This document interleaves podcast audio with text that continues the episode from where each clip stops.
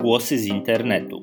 W naszym podcaście rozmawiamy, jak internet zmienia biznes, życie polityczne i społeczne oraz nas samych. A przede wszystkim, jak te wszystkie zmiany możecie ogarnąć na swoją korzyść w biznesie, w polityce, w działalności społecznej. Ja nazywam się Mateusz Sabat. Wspólnie z Łukaszem Dąbrosiem prowadzimy agencję Big Data for Leaders. W cyklu podcastów będziemy dzielić się z Wami naszą wiedzą, doświadczeniem i pomysłami. Zapraszam na dzisiejszy odcinek, a także na naszą stronę www.bd4l.pl.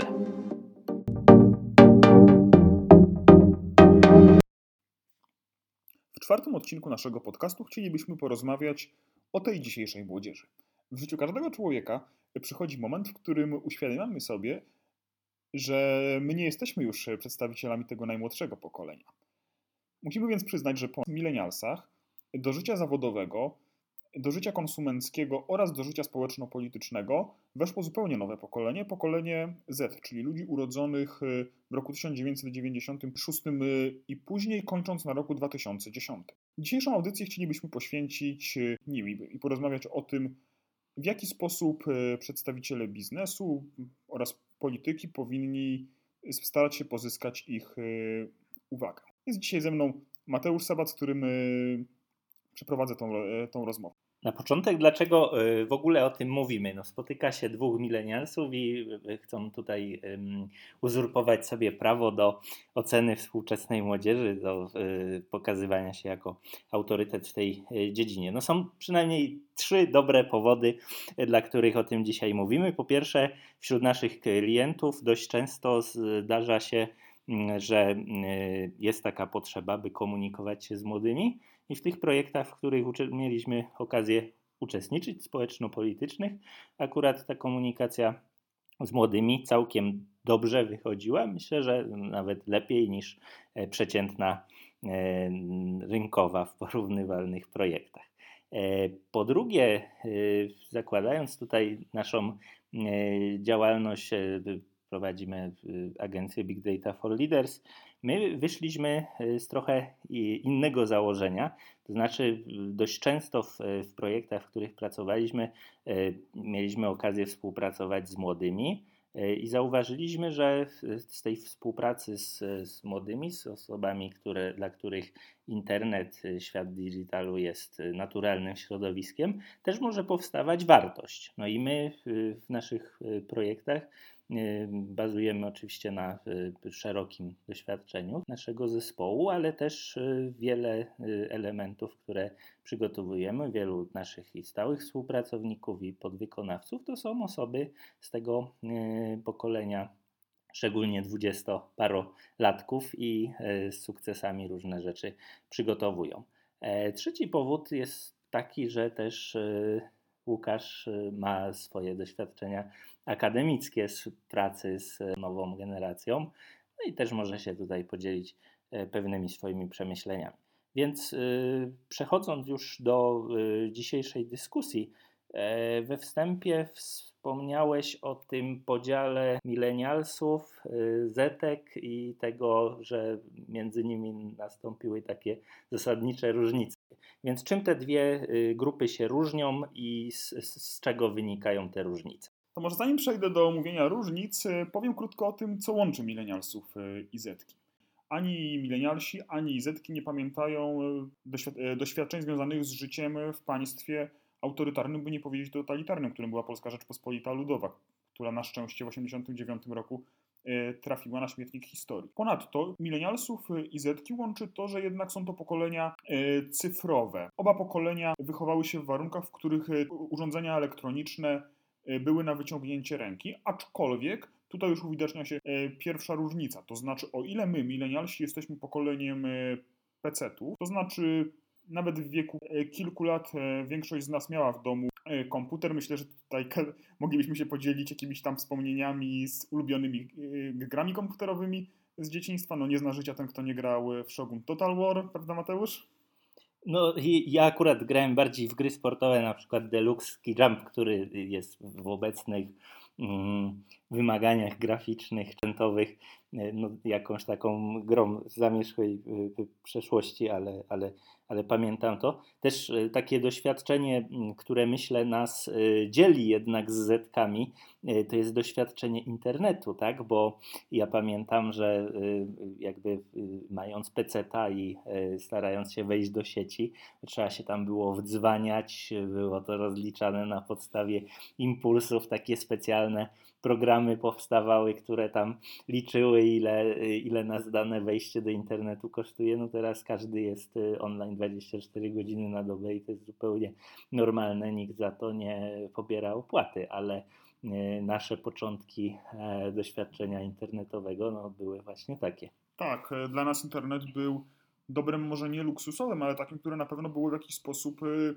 reglamentowane, czy to poprzez modemy wykorzystujące sieć telefoniczną i wdzwanianie się do internetu, czy to poprzez czekanie w kolejce na wolny komputer w pracowni informatycznej. Natomiast yy, dla pokolenia Z faktycznie ten dostęp do internetu nawet 24 na dobę i w każdym y, dostępnym y, miejscu jest czymś całkowicie, absolutnie normalnym. To jest pokolenie nie tyle PC-ów, co y, smartfonów. W przypadku Polski mają oni także trochę inne doświadczenia historyczne i polityczne. Więc w dużym skrócie, dla nas, milenialsów, takimi doświadczeniami i wydarzeniami, które nas może ukształtowały, ale które na pewno bardzo dobrze pamiętamy z młodości, to jest na przykład zamach na World Trade Center, to jest wejście Polski do Unii Europejskiej, to jest śmierć e, Jana Pawła II. E, natomiast dla Zetek są to wydarzenia albo z, z okresów, gdy byli tak mali, że nie do końca pamiętają, co się działo, albo nawet takie, które wydarzyły się E, przed ich e, urodzeniem. Dotyczy to zwłaszcza młodszych zetek. Zetki wychowały się e, w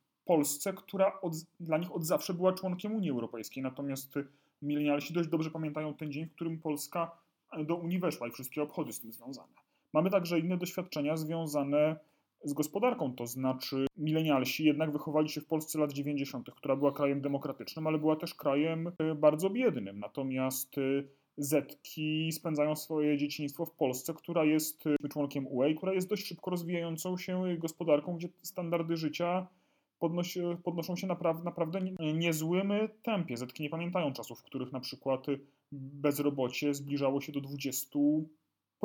Tak to wyglądało w Polsce właśnie w okresie dzieciństwa milenialsów. Natomiast takim na pewno bardzo traumatycznym wydarzeniem, y, które ukształtowało Zetki jest y, pandemia, dlatego że w ich przypadku y, wypadła ona akurat na ten okres y, studencki, który w normalnych czasach był okresem usamodzielniania się, zdobywania pierwszych doświadczeń życiowych, pierwszych doświadczeń zawodowych, kształtowania osobowości, także w kontakcie ze znajomymi na, stu na studiach.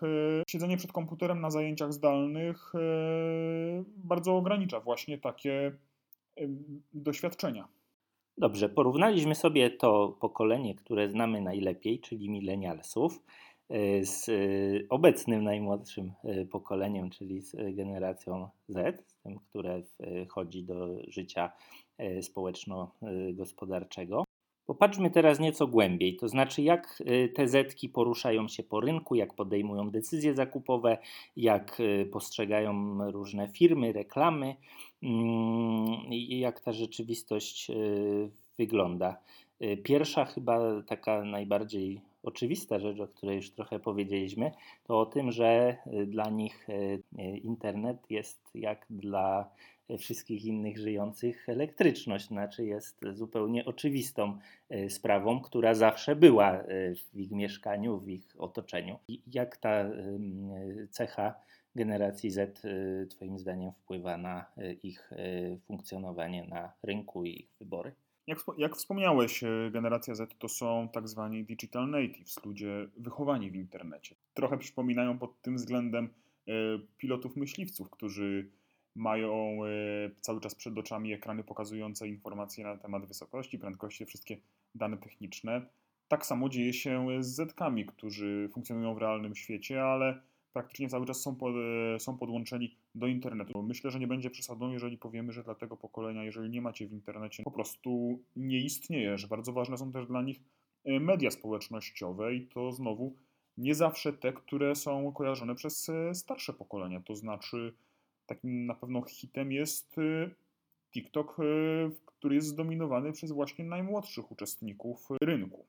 Badania IBRIS pokazują, że dla grupy wiekowej 18-29 y, bardzo ważnym y, źródłem informacji są właśnie y, media społecznościowe w porównaniu z mediami bardziej tradycyjnymi, także tradycyjnymi portalami internetowymi.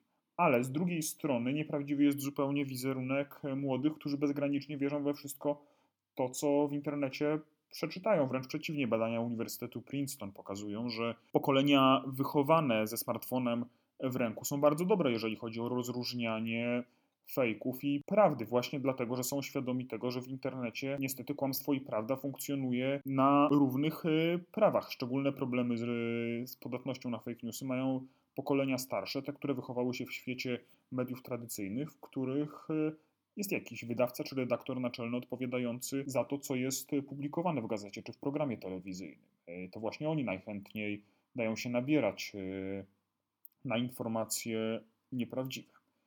Tak jak, wspomniałem, młodzi są e, bardzo dobrzy, jeżeli chodzi o rozpoznawanie e, fejków e, i ściemy. I to dotyczy zarówno informacji politycznych lub udających polityczne, jak i informacji marketingowych. Jeżeli jakaś firma w swoich treściach reklamowych posłuży się manipulacją lub nieprawdą, no to zostanie to bardzo szybko wykryte, stanie się memem, zostanie ośmieszone, a firma mm, osiągnie efekty przeciwny do zamierzonego. No właśnie, a y, to, to, to, rozróżnianie prawdy i fałszu w internecie, to poruszanie się, to jest taka nowa umiejętność, z którą Zetki y, dużo lepiej sobie radzą niż y, wcześniejsze pokolenia.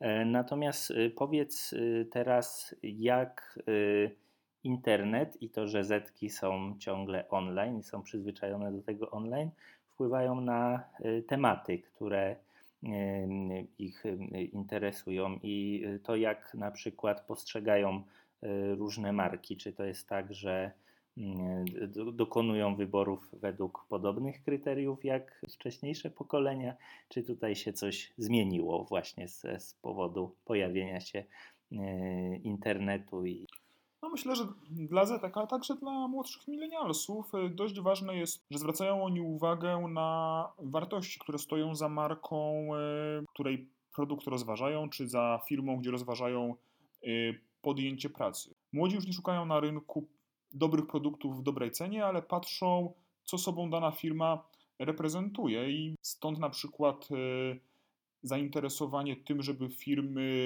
zajmowały się także walką na przykład e, z nietolerancją wobec e, osób LGBT, czy e, produkowały swoje wyroby w sposób przyjazny środowisku.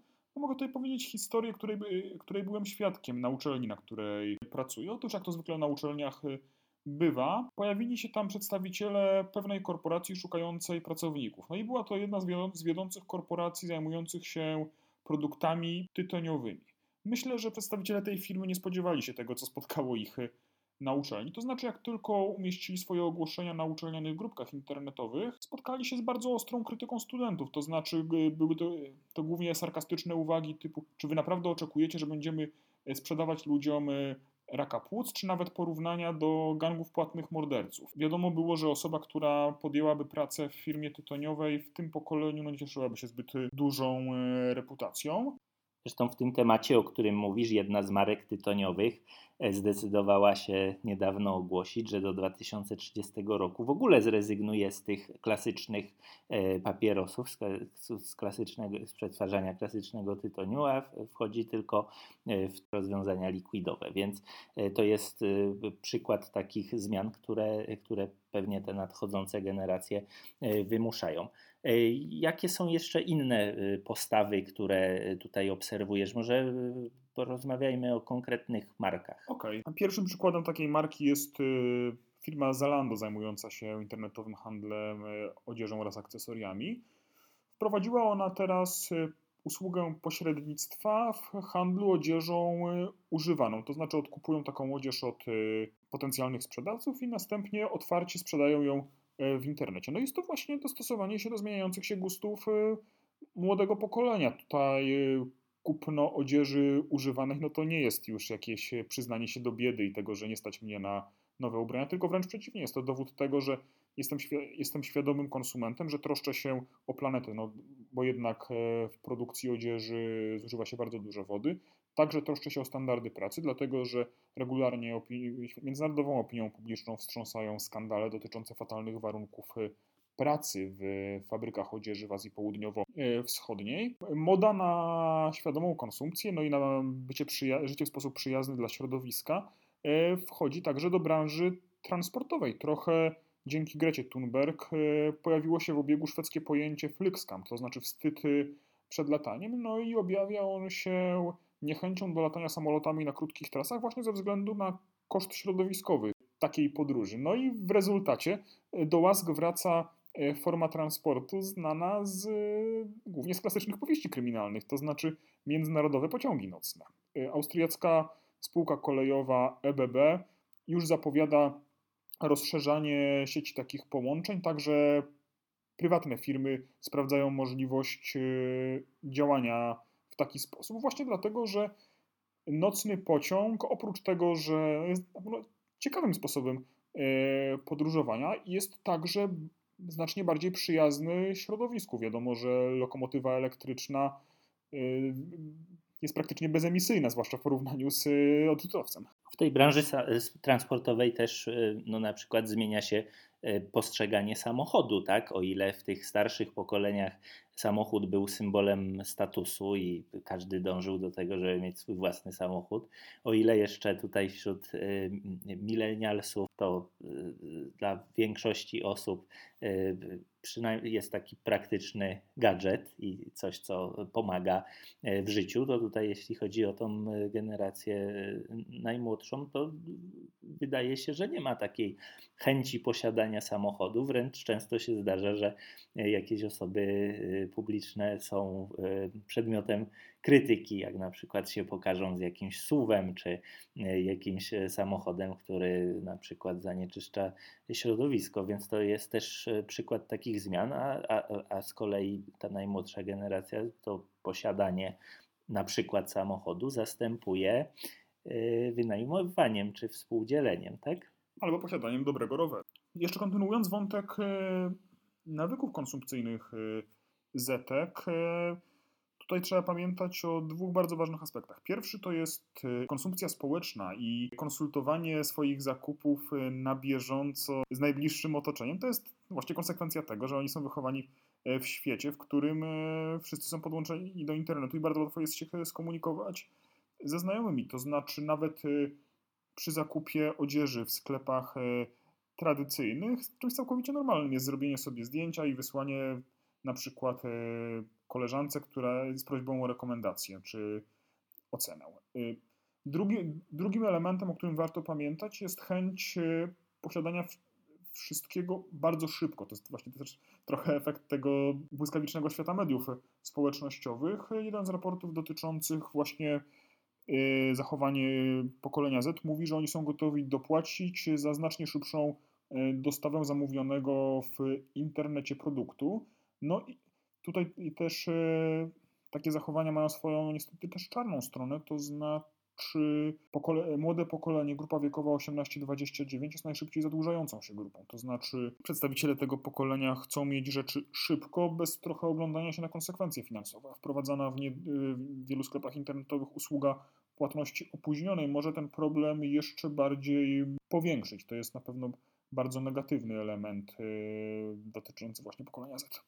Czyli bez dobrej przymierzalni i bez szybkiej dostawy to w pokoleniu Z e, to za bardzo nie powalczysz. Tak to można podsumować. Tak, a, a, troszeczkę. A chciałem jeszcze podpytać o inny aspekt tutaj mm, działalności gospodarczej, no bo Zetki też zaczynają wkraczać do e, miejsc pracy, zaczynają e, pojawiać się w różnych firmach, zaczynają mieć status E, pracownika. My sami często współpracujemy z dwudziestokilkulatkami i tutaj e, krótko e, chciałbym Cię o to zapytać, jak postrzegasz te młode osoby, które wchodzą na rynek pracy, czym one się charakteryzują i jakie mogą ewentualnie pojawić się napięcia we współpracy ze starszymi kolegami. No to ja Zetki znam nie tylko z rynku pracy, ale także z sal wykładowych na uczelniach.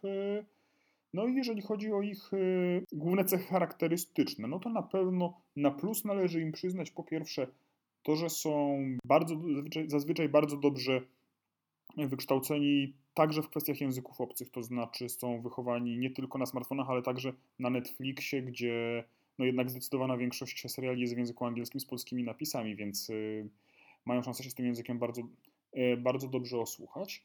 Nie mają też y, kompleksów, dlatego że traktują się jako część zglobalizowa zglobalizowanego świata, mówiąc tak bardzo górnolotnie.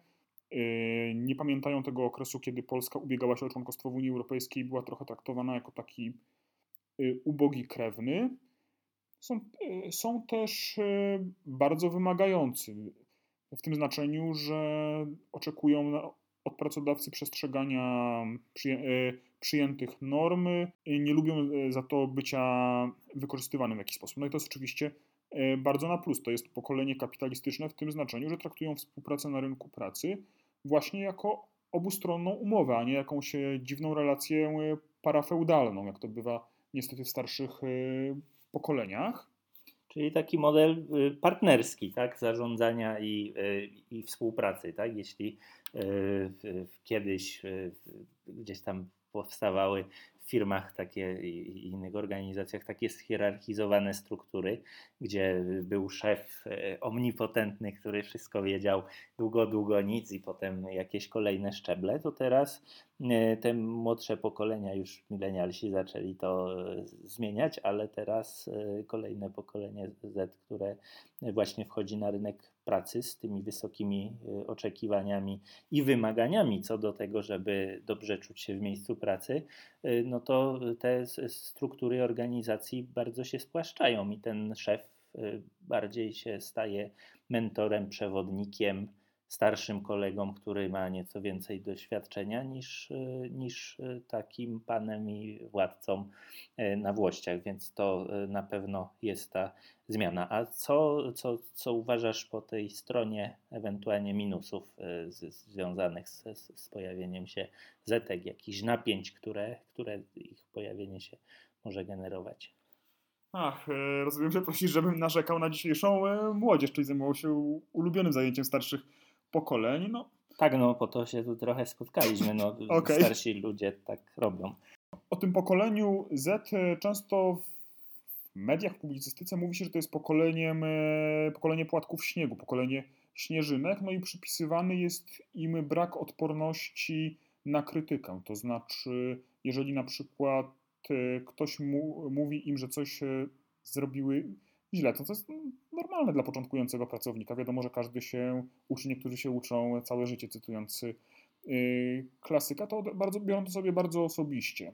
Oprócz tego ten problem dotyczy głównie świata zachodniego, zwłaszcza Stanów Zjednoczonych. Pewnym problemem jest tak zwana yy, kultura anulowania, to znaczy wręcz demonstracyjnego negowania osób o innych poglądach, no ale to jest, yy, wspominamy o tym na marginesie, dlatego że w Polsce na szczęście to nie jest yy, aż tak duży problem, ale Także takie podejście bardzo niechętne wobec różnych szkodliwych sytuacji ma swój plus, to znaczy na przykład młodzi no, nie tolerują e, złych rzeczy, które przez wiele, wiele lat były uważane za coś całkowicie normalnego, czyli na przykład e, seksizm w miejscu pracy, czy zjawiska e, przypominające trochę falę, czy tak, tak zwany mobbing. Zetki nie boją się protestować i głośno mówić, jeżeli coś takiego widzą i to jest y, znowu postrzegane przez nas zdecydowanie na plus.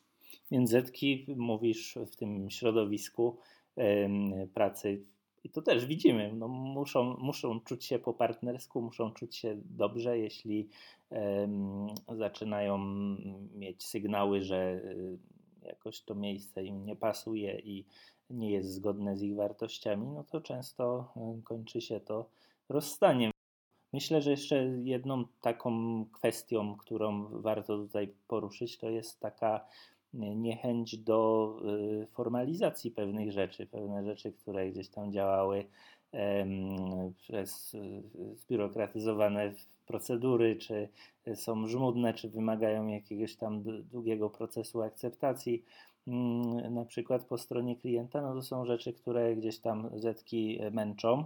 Y, no i taki korpo styl trochę się przestaje sprawdzać. No i to oczywiście nie oznacza, że gdzieś tam organizacje mają zupełnie rezygnować z tych reguł, które stawiają, no ale nasze na przykład doświadczenie pokazuje, że taki e, model startupowy, swobodny, gdzie pewne reguły można negocjować, gdzie pewne reguły mm, tworzą się na bieżąco ze współudziałem tych e, młodych ludzi, e, no, bardziej odpowiada generacji Z. No tak, to prawda. Z drugiej strony ciężko oczekiwać od generacji Z e, czegoś innego, to znaczy pokolenie wychowane w świecie handlu internetowego, w którym produkt dziś zamawiam, jutro e, mamy pod drzwiami, wychowane w świecie bankowości internetowej, gdzie przelewy odbywają się w czasie rzeczywi, rzeczywistym, no nie jest w stanie zrozumieć tego, że załatwienie jakiejś bardzo prostej rzeczy, czy to w świecie biznesowym, czy w świecie uczelnianym, może zająć długie tygodnie. No jest to znowu bardzo dobra informacja, no bo mam nadzieję, że to pokolenie będzie wywierało presję na zastane organizacje, żeby dopasowały się do właśnie takiego błyskawicznego y, stylu działania. To, co wspomniałeś o startupach, tak, y, na pewno Zetki lubią atmosferę, w której reguły wykuwane są, e, wykuwane są na bieżąco, nie ma jakiegoś jednego bardzo sztywnego kodeksu postępowania. Z drugiej strony charakteryzuje ich troska o to, żeby ich miejsce na rynku pracy było pewne, w tym znaczeniu,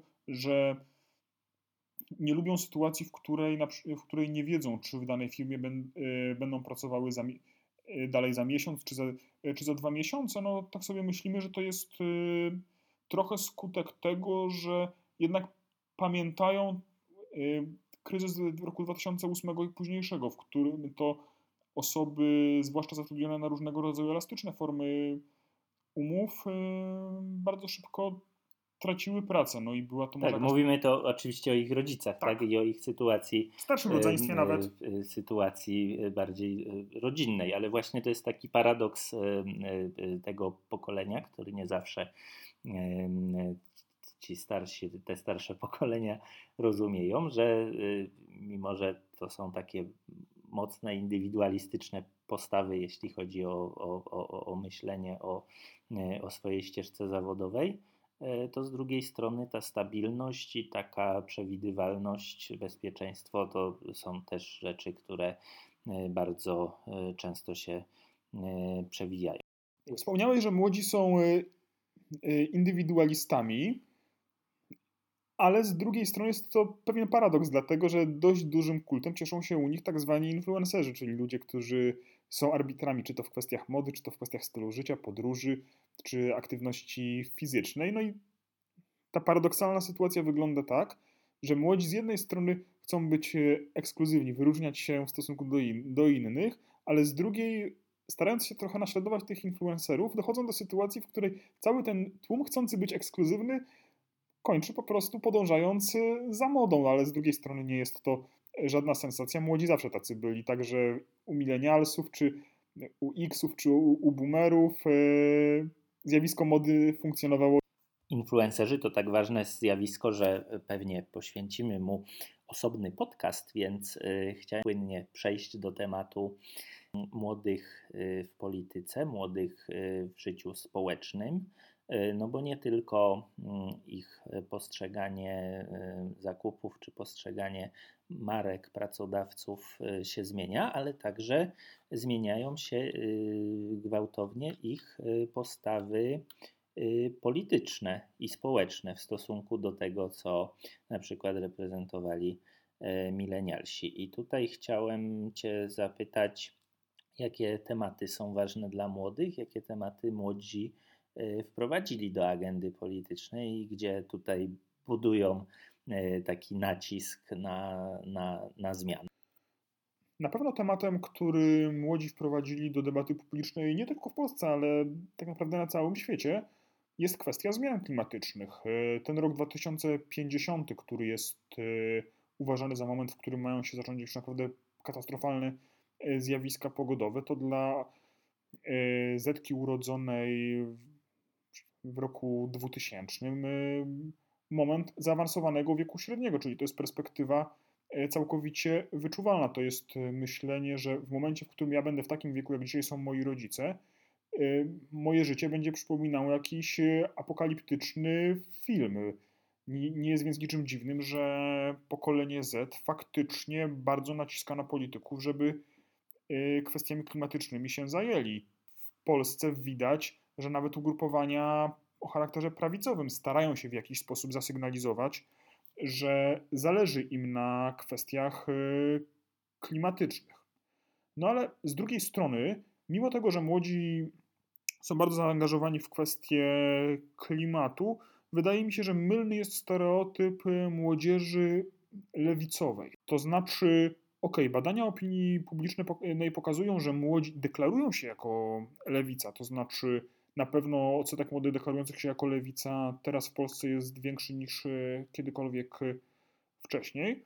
No ale badania przeprowadzone przez e, CEBOS dotyczące stosunku młodych do konkretnych polityk społecznych czy gospodarczych pokazują, że poglądy młodych lepiej opisuje jednak słowo liberalizm.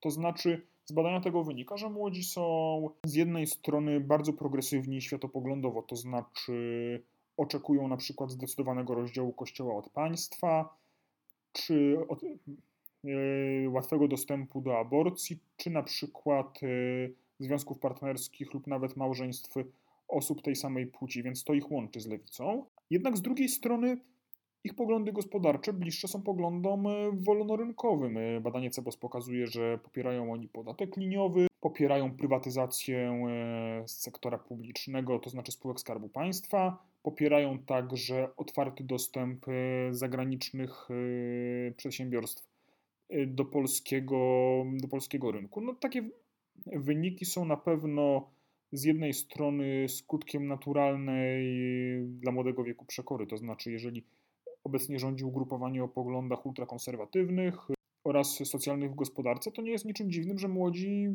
chcą państwa progresywnego w sferze światopoglądowej oraz liberalnego w kwestiach e, gospodarczych. Oprócz tego e, pokole, pokolenie Z e, no jednak mocno skorzystało na globalizacji, na możliwości korzystania z usług firm z całego świata, podróżowania po Europie, a nawet świe, świecie. Taki zestaw poglądów jest więc czymś normalnym. Wydaje się zatem z tego, co mówisz, że y, tutaj te klasyczne charakterystyki lewicowy, prawicowy, y, centrowy, no może nie do końca opisują tą nową rzeczywistość i może lepszy jest ten podział na y, politykę otwartą y, i, i postawy zamknięte w, w debacie publicznej. Tak? I wydaje się, że młodzi tutaj po tej stronie otwartej zdecydowanie się mm, opowiadają. A powiedz, y, jak y, w tych y, realiach odnajdują się konkretni politycy, konkretne ugrupowania, jak, jak one odpowiadają na potrzeby mm, tego najmłodszego pokolenia? Tak też trochę rozwijając Twoją myśl o tym, że w podziale społeczeństwo otwarte, społeczeństwo zamknięte, młodzi opowiadają się po stronie społeczeństwa otwartego. No tutaj Trzeba też pamiętać, że te wyniki, które podawałem wcześniej, są pewnym uśrednieniem. mamy też takie zjawisko, że y, pewnym wyznacznikiem poglądów politycznych w grupie wiekowej 18-29 jest płeć. To znaczy, mamy z jednej strony y, dość silne poglądy, bardziej progresywne wśród kobiet, ale mamy też pewną y, liczbę bardzo konserwatywnych młodych mężczyzn, którzy trochę umykają y, badaniom dotyczącym na przykład y, zachowań konsumenckich, dlatego że to są najczęściej młodzi ludzie mieszkający w mniejszych miejscowościach, którzy no nie są podstawowym celem y, marketing, marketingowym firm. Więc to, to taka uwaga na marginesie. No a co do tego, w jaki sposób politycy starają się komunikować, komunikować z młodymi, dostosować do ich poglądów i sposobu postrzegania świata, to zacznę od e, przykładów e, klęski na tym obszarze. Na pewno takim e, spektakularnym przykładem katastrofy, absolutnej katastrofy w komunikacji politycznej z młodymi jest słynna akcja pod tytułem Ostry cień mgły, to znaczy moment, w którym prezydent Andrzej Duda pod wpływem internetowych influencerów próbował kreować się na bardzo młodzieżowego, zakończył się, powiedzmy sobie szczerze, absolutną kompromitacją. I tutaj znowu wychodzi ta cecha młodych, pokolenia Z, to znaczy ona błyskawicznie rozpoznaje ściemę, błyskawicznie, y, błyskawicznie rozpoznaje pozowanie na kogoś, kim się nie, nie jest. Y, no i właśnie ten błąd popełnił prezydent Andrzej Duda. Ogólnie partii rządzącej z młodymi nie po drodze, to znaczy badania pokazują, że poparcie Prawa i Sprawiedliwości wśród młodych jest między 0 a 10%, czyli jest to wynik na pewno bardzo, bardzo niski, zwłaszcza dla ugrupowania, które jest partią y, rządzącą. A kto sobie dobrze radzi z, z młodymi? Jak, jak, jak to poparcie się rozkłada, jeśli chodzi o, o, o pozytywne wybory młodych? No to ostatnie badanie ogólnopolskiej grupy badawczej pokazuje, że liderem wśród młodych jest Polska 2050, ugrupowanie Szymona Hołowni. No i jest to znowu zrozumiałe. To znaczy, ruch ten kładzie bardzo duży nacisk na przykład na kwestie związane e, z ochroną klimatów. E, w kampanii prezydenckiej 2020 Szymon Hołownia z wszystkich kandydatów zdecydowanie najgłośniej mówił właśnie o globalnych zmianach e, klimatycznych, co młodym się bardzo podobało. Szymon Hołownia jest też kimś w rodzaju influencera. Jest bardzo rozpoznawalny także wśród osób, które nie interesują się polityką. Ma także zdolność komunikacji z ludźmi z naprawdę różnych środowisk, no i jest autentyczny w tym, co robi, więc młodzi to e, bardzo cenią. Całkiem nieźle w badaniach e, wypada też e, lewica, która również stara się zajmować kwestiami środowiskowymi, no i jest też sprawna w komunikacji internetowej. Ma, ma swoją sieć stronek sympatyzujących, wypuszczających memy, które, z których część jest śmieszna, część nie. No ale te śmieszne faktycznie przykuwają y, uwagę młodszych odbiorców. Koalicja Obywatelska teraz y, próbuje komunikować się z młodymi. No, w momencie, gdy nagrywamy ten podcast, trwa Campus Polska zorganizowany przez Rafała Trzaskowskiego, no ale na efekty tego będziemy musieli poczekać. No i jeszcze nie zapominajmy o Konfederacji, która cieszy się poparciem E, młodych mężczyzn, ze, także ze względu na to, że jej politycy bardzo sprawnie poruszają się w internecie, są, jak to się mówi, memiczni w pozytywnym e, tego słowa znaczeniu, są aktywni w mediach społecznościowych, mają też cechy lubiane przez młodych, takie jak pewnego rodzaju e, bezkompromisowość, no i dość sprytnie maskują w ten sposób momentami bardzo radykalne poglądy i postulaty, z którymi młodzi raczej się nie zgadzają. W tym momencie odbiór polityków jest ważniejszy niż to, co oni mówią. Tak, Konfederacja stara się być y, w formie równie otwarta jak y, inne ruchy polityczne. Y, natomiast jak tam się pogrzebie w treści, to być może część młodych mm, może się dość szybko rozczarować tym, co tam w warstwie programowej się pojawia. Dobrze, omówiłeś y, badania dotyczące y, młodych, zarówno ich postaw wobec y, marek, wobec pracodawców, jak i postawy w życiu społeczno-politycznym. Pomyślmy jeszcze na koniec, jakie rady moglibyśmy dać politykom i markom, które chciałyby się komunikować z młodymi. Pewnie poświęcimy też samej komunikacji Y, osobny podcast. Jest tak y, dla kogoś, kto, dla kogo to są nowe treści, a kto chciałby wejść na ten rynek i, i być wiarygodnym, autentycznym dla młodych. Jakie miałbyś tu rady? Może w obszarze polityki na początek? Na pewno trzeba jasno komunikować wartości, w imię których się walczy w polityce. Młodzi zwracają na to uwagę. Jeżeli chodzi o technikalia, no to trzeba na pewno mówić do nich tam, gdzie młodzi chcą słuchać, czyli media społecznościowe, także te, w których y, młodzi są szczególnie aktywni, czyli także TikTok. Oprócz tego trzeba wziąć pod uwagę tą relację partnerską, na której e, Zetkom bardzo zależy. To znaczy nie, nie przemawiać do nich, ale z nimi rozmawiać. Trzeba także unikać czegoś, co młodzi nazywają cringe'em, czyli żenującymi próbami silenia się na młodzieżowość przez osoby, które nie potrafią tego robić, żeby nie zaginąć w ostrym cieniu mgły. Trzeba też odwoływać się do doświadczeń, które są y, im bliskie, to znaczy musimy pamiętać, że dla Zetek y, całkowitą abstrakcją jest Polska lat 80. Jeszcze abstrakcją jest także Polska lat 90., która nie jest krajem członkowskim y, Unii Europejskiej, więc ciężko odwoływać się w komunikacji z młodymi do tamtych czasów, dlatego że poza garstką pasjonatów historii, którzy po prostu lubią czytać o tym y, dla przyjemności, są to realia zupełnie, zupełnie im obce. Czyli żadnego PRL, żadnej transformacji, żadnego Smoleńska, żadnego papieża. To są tematy, które dla młodych są y, niemal tak odległe jak bitwa pod Grunwaldem. Przejdźmy do y, tematu komunikacji biznesowej, marek, produktów kierowanych do młodych. Co, co tutaj mógłbyś krótko poradzić?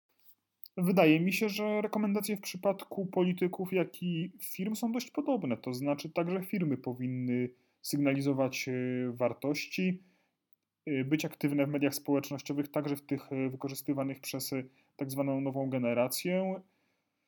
Oprócz tego Warto też unikać zarówno żenady, jak i podawania nieprawdy, ponieważ młodzi są bardzo dobrzy w jej rozpoznawaniu i ośmieszaniu. No i pamiętać też o influencerach. Lody ekipy są tego naprawdę dobrym przykładem. No dobrze, narzekaliśmy sobie dzisiaj na tych młodych, a tak Ale także ich chwaliliśmy. A, a, tak naprawdę celem naszego spotkania było trochę yy, odmitologizowanie pewnych y, rzeczy, które y, funkcjonują w debacie publicznej, bo y, często ci, którzy komentują, ci, którzy są w mediach, ci, którzy też są na wysokich stanowiskach w różnych firmach, nawet naszych klientów, czasem to widać, to y, jakby nie zawsze czują y, klimat generacji Z i nie zawsze jakby rozumieją z, z, z czym to się je. Trochę to jest na zasadzie y, takiego podejścia jak pies do jeża, nie wiedzą od której strony się zabrać, więc ten nasz dzisiejszy podcast miał właśnie taki cel, żeby pewne rzeczy uporządkować, zebrać wszystkie mm, dostępne Y, dane dotyczące właśnie postaw wartości generacji Z i myślę, że to będzie początek takiego cyklu, który myślę z pewną y, regularnością będziemy sobie mm, tutaj y, realizować właśnie o komunikacji z młodymi. Dziękujemy za dzisiaj. Mateusz Sabat. Łukasz Dąbroś również dziękuję. Dziękujemy bardzo i do usłyszenia.